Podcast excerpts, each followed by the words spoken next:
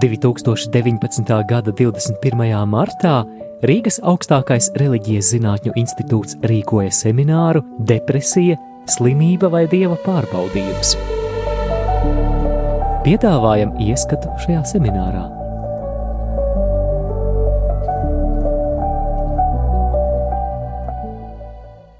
Lūksim, Ilonu, pastāstīt, kas notiek psihoterapeita kabinetā. Labvakar! Es varētu piebilst, ka klīnikā pie manis dodas tad, kad nozīmē doktors Tērots vai kādi citi. Jā, ir tu pie mikrofona. Jā, tagad var.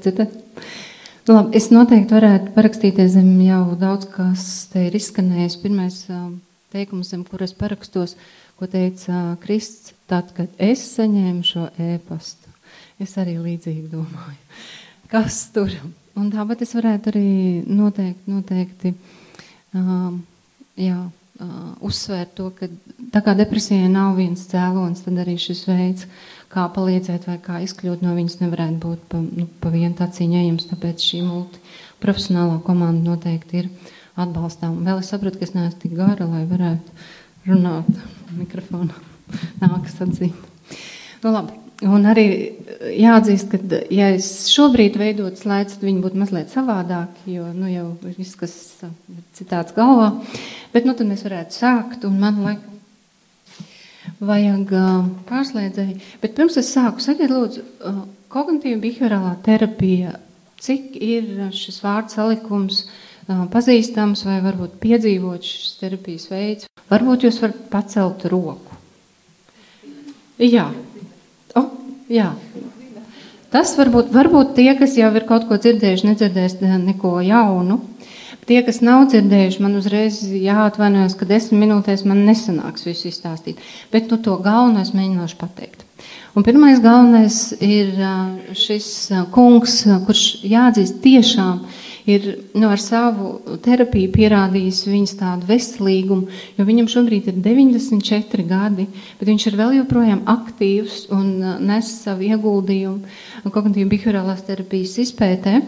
Un, jā, viņam viņas tēmas tikai paplašina un paplašina, un zināms, ka kognitīva behaviorālā terapija sākās līdz ar Ārona Beka, doktora Ārona Beka darbu tieši ar depresijas pacientiem. Šobrīd viņa interese jau ir paplašinājusies un skar arī šizofrēnijas spektru un daudz citas traucējumus. Un viņa galvenā ideja ir par to, ka pastāv tāds savu veidu saistības starp četriem, es to saucu par ritiņiem, un es mēģināšu arī stāstīt jums tā, kā es to vadu grupās, bez varbūt šobrīd atsaucas uz zinātniskiem pētījumiem, kad viņu ir ļoti daudz, bet nu, tā, lai to varētu ikdienā lietot. Un tie četri ritiņi, kas savā starpā sadarbojas, ir domas, emocijas, fiziskās sajūtas, ķermeniskās sajūtas un uzvedība. Un tā kā tas ir sistēmas princips, līdzīgi kā pulkstenī zobratiņi griežās komandā, tad pietiek iesākt darbu kaut ar vienu no šiem zobradiņiem, un mēs varam sagaidīt mazas, bet tomēr kādas izmaiņas. Un no manas skatu punkta depresija kopumā ir mazo nianšu terapija. Tas nav par to, ka viss uzreiz vai nekas, bet pa maziem solīšiem, un tad es varu iestarpināt varbūt nu, tos vārdus, kas man ir svarīgi bijuši no garīgiem skolotājiem, un tā bija māte Terēs, kas teica, kad mēs, varam, mēs nevaram lielas lietas, bet mazas ar lielu mīlestību. Un tad šis droši vien ir tas ceļš, kā mēs strādājam kognitīvi behaviorālā terapijā. Vēl arī tie, kas zina, vai tie, kas kaut ko ir dzirdējuši par kognitīvu behaviorālo terapiju, man uzreiz jā, nu, gribās izkliedēt tādu varbūt mītu, ka šī ir terapija, kas strādā tikai nu, virspusē vai tikai ar domām, ka nav svarīgas mm, pagātnes pieredze vai nav svarīgas um, emocijas vai attiecības. Tā nav. Ir ļoti liela daļa attiecību daļa šajā terapijā, pirmās izmaiņas sākas tiešām no attieksmes vai no šīs sadarbības ar klientu, kā mēs nu, pret viņu izturamies, kā mēs izjūtām viņu. Un tā ir tāda varbūt pirmā pieredze, ko cilvēks piedzīvo savādāk nekā ir bijis līdz šim. Otrais, par ko, var, ko Airons Beks runāja par kognitīvu behaviorālu terapiju un tātad arī par terapiju depresijas klientiem, ir šī ideja par to, ka mums jāapskata šis traucējums trijos līmeņos, kā jebkurš, ar kuru mēs strādājam kognitīvu behaviorālās terapijas ietvaros. Un tā ir runa par, ja metaforiski mēs skatāmies par saknēm, tātad kaut kas cilvēka pieredzē ir sācis veidot šo no attieksmi vai šo uztveri nu, par sevi kā piemēram par nevērtīgu. Un ļoti bieži to nevar tā atpazīt, un cilvēks varbūt pat nestaigā to tā definēdams, bet sāk parādīties dažādas nianses uzvedībā, dažādas prasības pret sevi, kā man ir jādzīvo, lai es nejustos nevērtīgs. Piemēram, man ir jāizdara viss ļoti perfekti, es nevaru kļūdīties, visiem ir mani nu, jāmīl, es nedrīkstu atteikt. Ļoti nu, daudz tādi uzstādījumi, kas sāk nu, palīdzēt izdzīvot, lai nepīdzīvotu to nevērtības sajūtu. Tad eh, tas, ko es minēju, tie likumi, kā man ir jādzīvot, tas būtu šajā kokā stumbrs, un eh, tad tā augšējā lapotne, tās ir lapas, jeb automātiskās domas, kas uzplaukst eh, katrā situācijā, un bieži vien viņas ir tāds, ko mēs sākumā nepamanām, bet var tikai pamanīt, piemēram, emocionālo reakciju vai uzvedību, un tad pamazām ar cilvēku vai klientu runājot, uh, viņš sāk atpazīt, ievērot, kad savā dažādās situācijās viņš varbūt reaģē līdzīgi. Un tad terapijas uzdevums ir no šī augšējā līmeņa pamazām virzīties uz to sakņu līmeni. Un mēs nevaram izravēt lietas, kas ir iestādītas, vai mēs nevaram atmācīt, iemācīt uzvedību, bet mēs varam nu, aktivizēt vai iemācīt jaunu attieksmi pret sevi, vai piedzīvot jaunu pieredzi un tādā veidā līdzsvarot. Man uh, eksāmena jautājums, kad es uh, liku eksāmenu par kognitīvu behaviorālu terapiju, bija tieši par šīm pamatpārliecībām.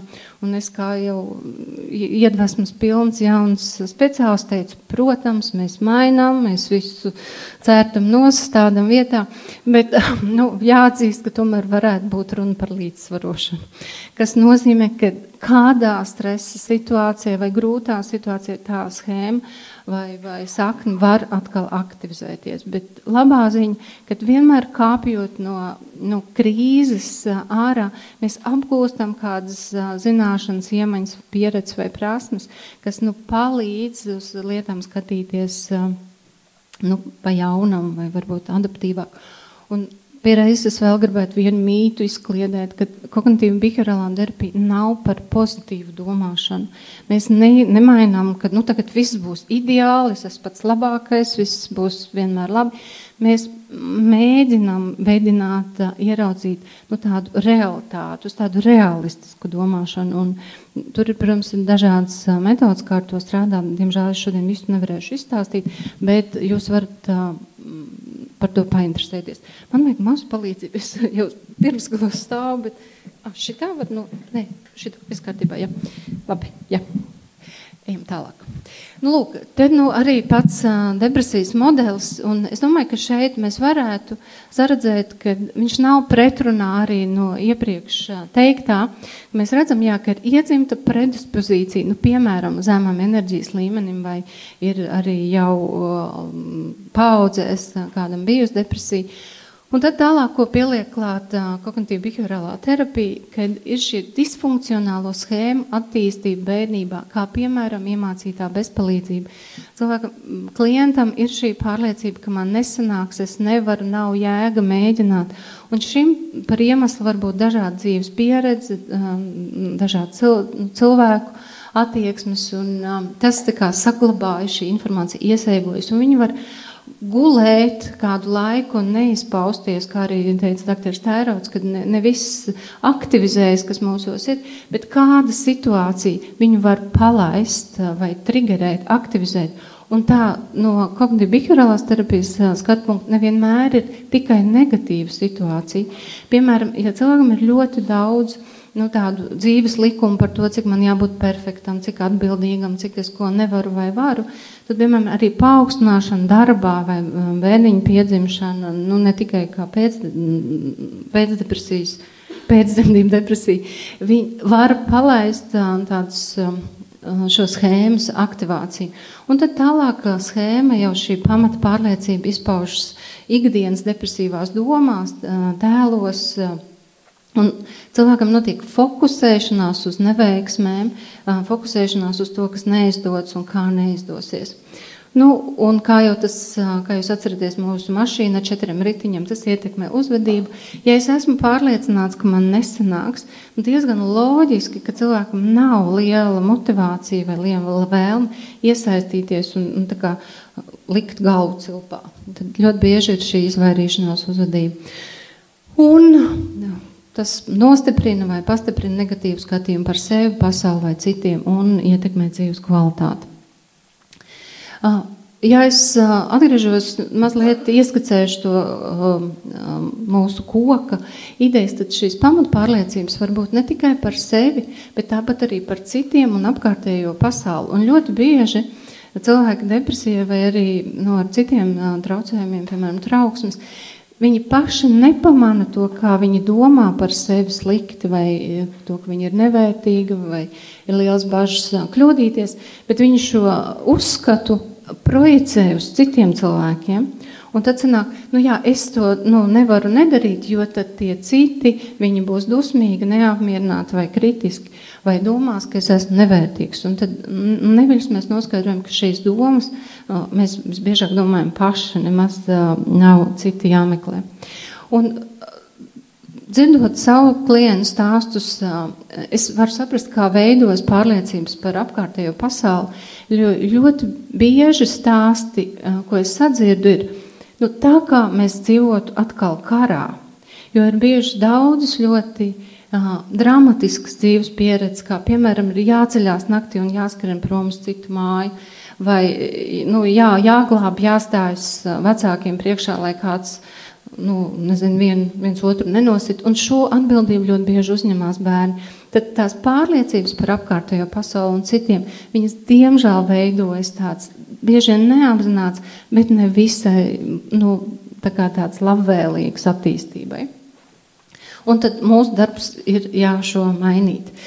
Uh, Un šīs schēmas vai pārliecības, viņas ir kā tāds filtrs vai magnēts vai brilles, kādu, nu, kuram tā metafora patīk. Nu, piemēram, ja es jūtos nevērtīga, un mēs varētu paņemt to metaforu par uh, to figūru kastīti. Jūs zināt, bērniem tādas uh, rotaļlietas ir.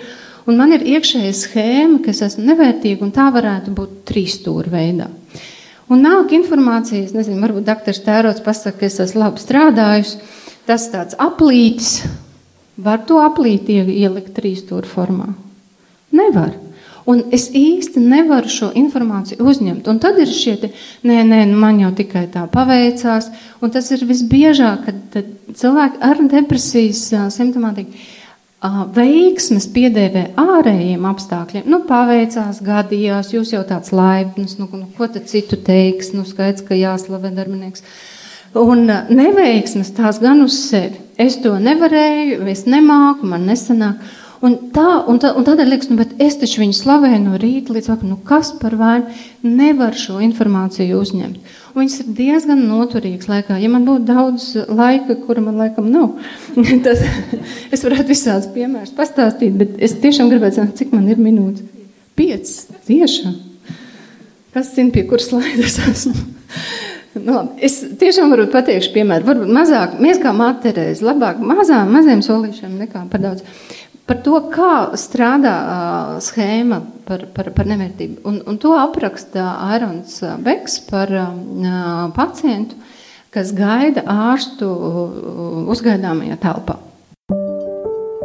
2019. gada 21. martā Rīgas augstākais reliģijas zinātņu institūts rīkoja semināru Depresija, slimība vai dieva pārbaudījums piedāvājam ieskatu šajā seminārā.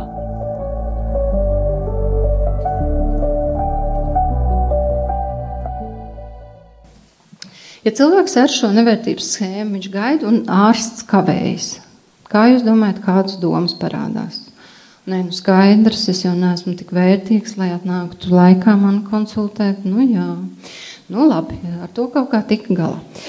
Nākamajā dienā, nu, piemēram, ārsts ir ieradies ātrāk un ir parādījies kādu minūtīti ātrāk iespēja paņemt. Viņi saka, nu nāciet, nāciet, nu mums desmit minūtes nu, pirms laika, bet nāciet, nu tagad varētu būt viss labi.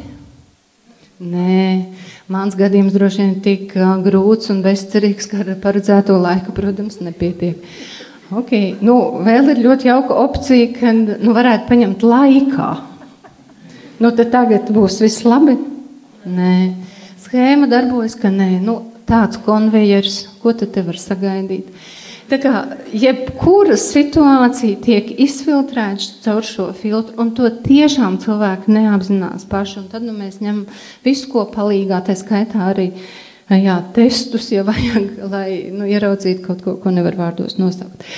Nu, lūk, tātad par dzīves likumiem jau es pieminēju, tie var būt kompensatori, kā man ir ļoti daudz kas jādara, kādam man ir jābūt kā nedrīkst to vai nedrīkst šo, un tāpat arī izvairīšanās, es pasteidzos jau nosaukt viņus, tad es nedrīkstu kļūdīties. Un jau, man liekas, arī Kristis pieminēja, kad man viss jādara pašām, ka nevar lūgt palīdzību. Un šis ir viens no likumiem, kad, nu skaidrs, ka, piemēram, slimo tikai vājie. Tas tiešām eksistē, un, un, un to dzirdot, nu, nu, reizēm sirds sažņaudzās. Un cilvēki tik daudz sevi ierobežo vai aizliedz, un tad mēs mēģinām kaut vai realistiski to uzskat, nu, paskatīties, ka ir jau taču palīdzības, ko mēs atļaujamies lūgt. Nu, es nezinu, naglas jau neviens negatavo pats, nu tomēr aiziet uz veikalu. Tad kāpēc par savu veselību, jā, mēs nolemjam, ka ir pašiem jātiek galā? Es nezinu, es nesaku, ka vienmēr ir jānāk pēc tās palīdzības, bet ja nu viņa ir, nu tad varētu sev to atļaut. Un tādu likumu saraksts ir garš un plašs un viss, kas um, cilvēkam, diemžēl, dzīves laikā saveidojas. Un tad tas, ko metaforu, ko es mēģinu teikt, kad ir jau ok, ka tie likumi izstrādājās kādā dzīves posmā, un viņi noteikti tad palīdzēja. Tad nebija cita veida, kā izdzīvot. Piemēram, ja man vajadzēja būt perfektam, mācīties labi, jo tad man nekritizēja, vai nepēra, vai nelika uz zirņiem. Bet tagad, kad es esmu pieaudzis, situācija ir cita. Bet, ja likums paliek tas pats, viņš sāk bremzēt. Un tā vienkāršā metafora ir, ja bija ceļa remonts un zīme stāvēja 30. Tas ir ļoti veselīgi un vajadzīgi. Bet, ja ceļu saremontēja, bet zīme paliek 30, tas sāk buksēt. Un arī šie dzīves likumi, viņi sāk buksēt, un mēs sākam mēģināt viņus nu, veidot un eh, eksperimentēt, vai viņi varētu būt arī tādi elastīgāki. Liels darbs ir ar automātiskajām domām, un redziet, šeit man jāsaka, ka prāts var pārveidot eli par debesīm, debesīm par eli. Un vēl senāk um, ideja par uh, mūsu domu vai uh, prāta spēju ir no ep, senā epikteta laikiem, liek piebilst, ka viņš bija vergs. Un viņš, uh, viņa ideja ir par to, ka cilvēks necieš no notikumiem, bet no notikuma interpretācijas. Un, ja mums atkal būtu laiks, mēs varētu uztaisīt vienu jauku eksperimentu, un šeit ir apmēram nezinu, simts cilvēku, un mēs varētu piedzīvot, ka vienā situācijā esot, Katram var būt sava nianses, kā viņš ieraug vai uztver situāciju. Un, bet, diemžēl, mums ir tā saucamās domāšanas kļūdas, ko arī atpazīst kognitīva behaviorālā terapija un mēģina šo informāciju dalīties arī ar klientiem, lai viņi to sāk atpazīt. Un, kā jūs redzat, tie paši nosaukumi, viņus ir daudz, bet tie nosaukumi mazliet uh, jau raksturo, par ko ir runa. Un, ja jums ir interese, ir grāmata latviešu valodā, viņa ir izdota 2015. gadā. Viņas autors ir Artūrs Frīmans, kas ir Airona Beka tāds līdzgaidnieks. Viņa saucās Kā būtu, ja būtu. Un uh, viņa ir tieši par domāšanas kļūdām. Bet laikam nelabā ziņa, ka es nezinu, vai viņu vairs var nopirkt. Bet cerēsim, cerēsim ka jā. Es pateikšu, kas, kas man liekas, kas ir ļoti traucējoši, tiešām ļoti traucējoši. Viņas visas ir arī depresijas pacientiem. Viņas īstenībā mums ir arī mums pašiem visas, tik jautājums, cik viņas ietekmē ikdienu. Piemēram, šī domu lasīšana, tā ir viena fantastiska um, domāšanas kļūda. Nu, ir viennozīmīgi skaidrs, kāpēc doktors tagad uz mani neskatās. Ja? Viņam ir vienkārši kauns, un, es rīt aiziešu uz darbu, diez vai runās. Tad, kādas, kādas domāšanas kļūdas manā jaukajā domu gaitā jūs varējāt pamanīt? Nu, viena bija doma lasīšana. Pareiz, tātad es zinu, ko viņš domā, Un liela bēda ir tajā, ka nu, maz kā es zinu, ko viņš domā, es atbilstoši sāku jau rīkoties. Nu, piemēram, es jau varētu iet ar atlūgumu. nu, labi. Tad nākotnes paredzēšana un plus katastrofizēšana mani atlaidīs. Bet neskatījās uz mani, nerunājās, atlaidīs. Un pozitīvās informācijas ignorēšana. Piemēram, ka jūs smējāties, nu, kas varētu būt tāds jauka zīme. Bet, jā, diemžēl šis strādā Un, nu, tā kā tādas brilles, un to nevar, nu, to realitāti nevar ieraudzīt. Kamēr to neapzina, un tad apzināti nesāk mainīt. Cik man ir laiks? Laikam jau tas 5 minūtes būs beigušās. Labi, ko darīt? Nu, ar tevi ar, arī varētu beigt. Nu, labi, es tiešām, es labprāt beigtu, jo ir tik daudz ko jāstāst. Bet, es fokusēšos tikai saistībā ar uzvedību, jo nu, nav, iespējams, nu, nav iespējams izstāstīt. Bet mēs strādājam tātad ar visiem šiem līmeņiem, ar saknēm, kas paredz darbu ar sāpīgām un dažādām atmiņām. Viņu pār, nu, pārrakstīšana, tā ir vesela uh, tehnikas un tā. Darbs ar dzīves likumiem, darbs ar automātiskām domām. Bet jo dziļāk cilvēks ir depresija, jo, protams, mēs vairāk varam fokusēties uz šo uzvedības vai ķermenisko uh, riteni, tā varētu teikt. Nu, īsumā, īsumā pamat idejas, jā, kad mēs uh, darbojamies ar kādu no šīm te četrām uh, rimbulīšiem, uh, Un ļoti svarīgs ir izmaiņas uzvedībā. Bet jūs zinat, te es apvienošu jau tādus divus slaidus. Varbūt šeit kāds zālē zina, par ko es tagad teikšu, tad man, es būtu priecīga, ja mēs pēc tam varētu, jūs man varētu pienākt klāt. Bet ir ārkārtīgi jauks dzējols latviešu valodā, un autors ir latviešu dzēnieks, mūsdienu latviešu dzēnieks, kuram es diemžēl esmu aizmirstus vārdu. Bet ja jūs atpazīstat, par ko es saku, tad jūs pienāciet, es būšu pateicīga, jo es viņu labprāt citētu. Jo es izmantoju četrindi no dzējoļa, kas ļoti raksturo, kas notiek, ja ir depresija. Un arī nu, cilvēkiem, kam nav depresija, arī šis ir raksturīgi. Bet dzīvuļa rindas skan tā, ka šodien tieši pusgads kopš no rītdienas es sākšu skriet.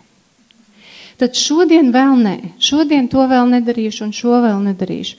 Jo nav īstā diena, un tā atliekas vesels saraksts ar lietām, ko kādreiz cilvēks, kas nav, kamēr nebija piedzīvota depresija, darīja, ko baudīja.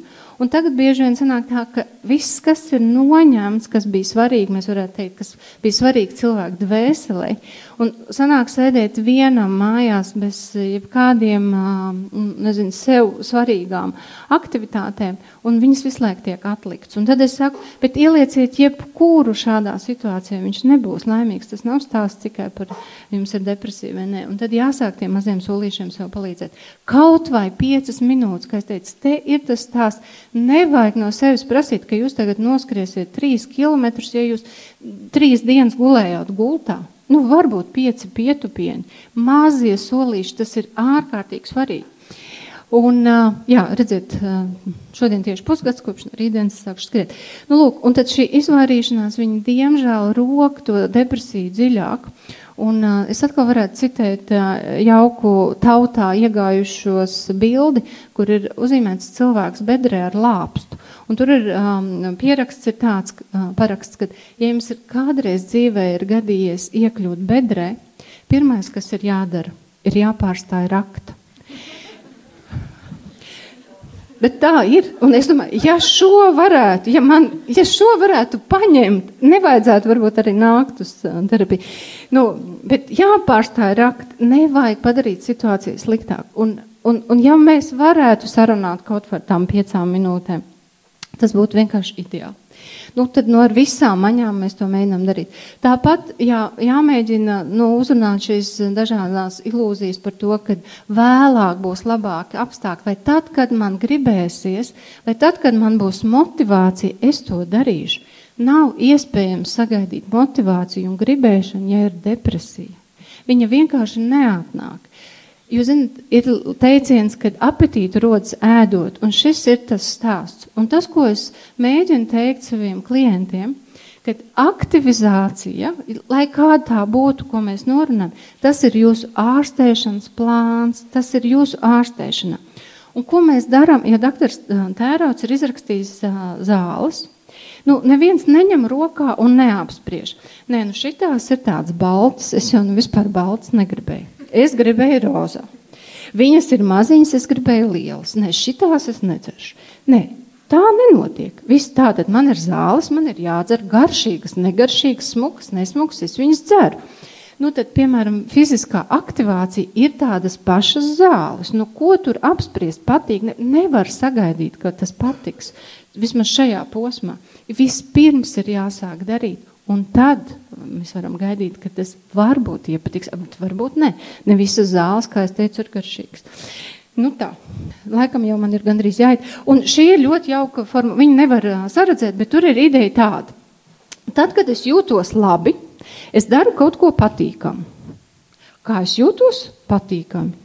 Tad, kad man ir slikti, es nedaru neko patīkamu. Kā es jūtos?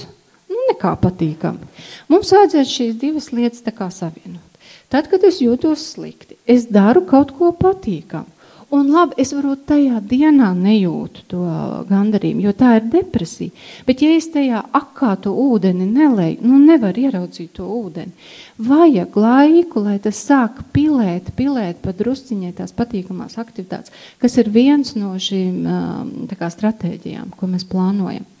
Jā, es pārsklēju. Tur ir dažādi šie te, bet idejas, ka, ir, ka šī baudīšana vai prieka sajūta, viņa ir jā, nu, prasme, kas ir jāatgūst atpakaļ.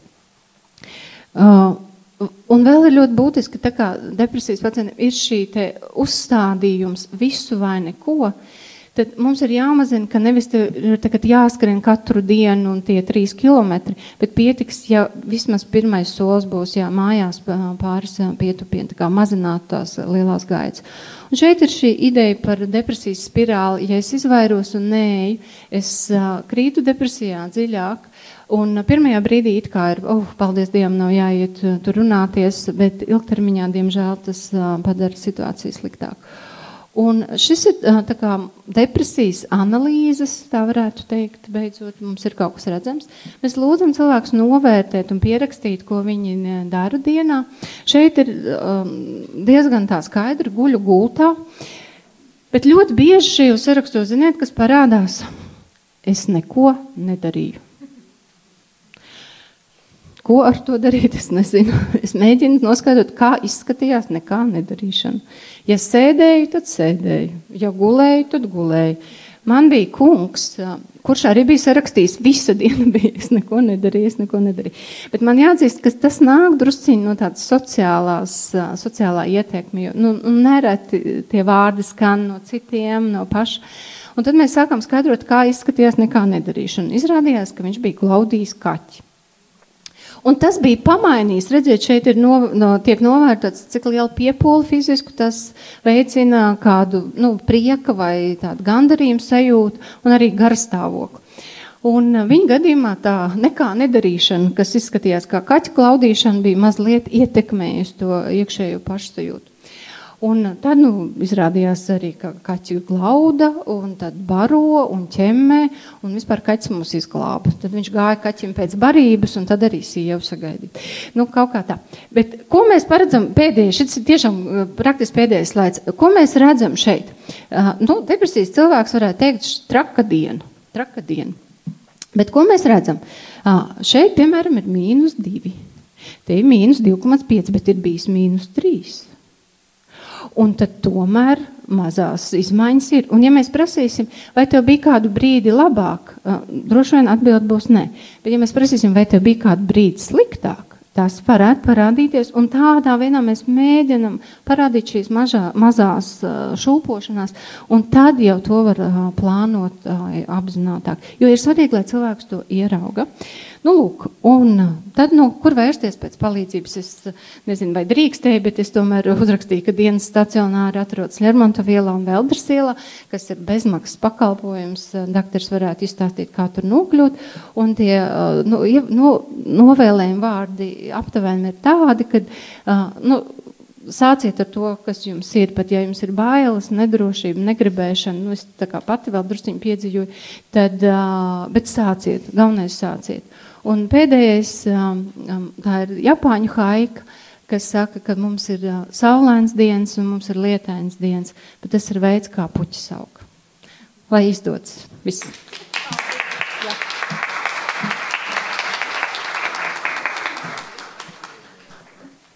Lielas paldies Ilonai par izsmeļošu stāstījumu. Es domāju, tagad mums visiem ir radies priekšstats, ko dara terapeiti. Viņi dara tiešām ļoti daudz. Man ir ierosinājums, ka tagad mēs paņemsim pauzi, lai pārdomātu visas šīs vērtīgās domas un atziņas. Un uh, tad uh, pēc pauzes mums būs diskusija daļa, kur mēs mēģināsim atrast kopsaucējus Mēģināsim uzzināt atbildes, vai ir tā, ka depresija var arī nekad neizārstēt. Jautāsim par to, cik liela loma eh, depresijas pārvarēšanā ir ticībai. Arī jūs varat sagatavot savus jautājumus. Šeit uz galda būs lapiņas, un droši var uzrakstīt. Tad mēs eh, runāsim par šīm lietām pulkstens eh, astoņos. Ja? Un tagad ir kafijas pauze.